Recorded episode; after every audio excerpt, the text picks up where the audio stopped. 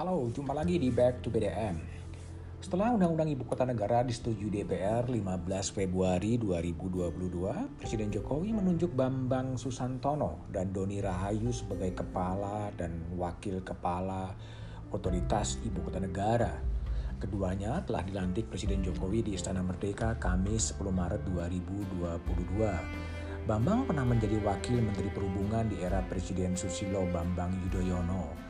Kini Bambang menjabat Vice President Knowledge Management and Sustainability Development Asian Development Bank.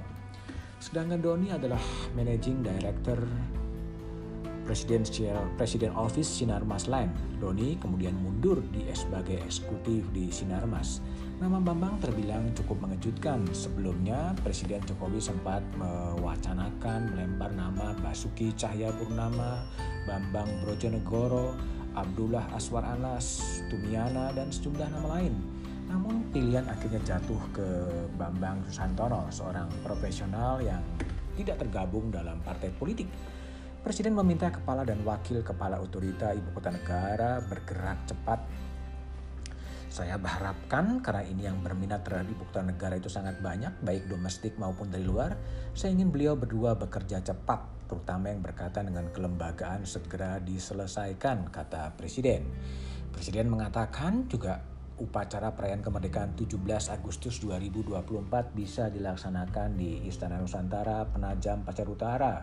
Artinya waktunya sekitar 2 tahun untuk membangun istana. Gerak cepat dibutuhkan untuk memberikan harapan Kendati tahun politik yang bakal dimulai Juni 2022 sampai pemilu 14 Februari 2024 bisa saja menjadi hambatan politik. Satu hambatan lagi adalah uji materi, uji formal yang diajukan sejumlah pihak ke Mahkamah Konstitusi terhadap Undang-Undang Ibu Kota Negara. Tahun politik, uji formil dan material di MK, keterbatasan anggaran boleh jadi menjadi masalah yang harus diselesaikan oleh pemerintah membangun ibu kota membutuhkan waktu panjang sampai 20 tahunan.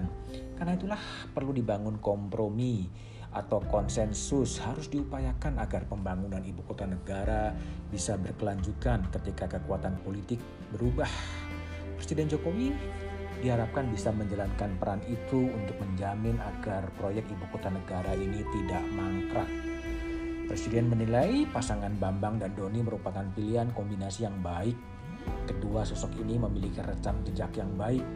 Presiden meyakini mereka bisa berkoordinasi baik dengan Menteri Perencanaan Pembangunan Nasional, Kepala Badan Perencanaan Pembangunan Nasional Suharso Monoarfa dari sisi perencanaan, Menteri Pekerjaan Umum dan Perumahan Rakyat Basuki Hadi Mulyono dari sisi pelaksanaan di lapangan, terutama di kawasan inti pemerintahan serta terkait investasi dengan Menko Bidang Kemaritiman dan Investasi Luhut Binsar Panjaitan. Kita nanti bagaimana perkembangannya kemudian.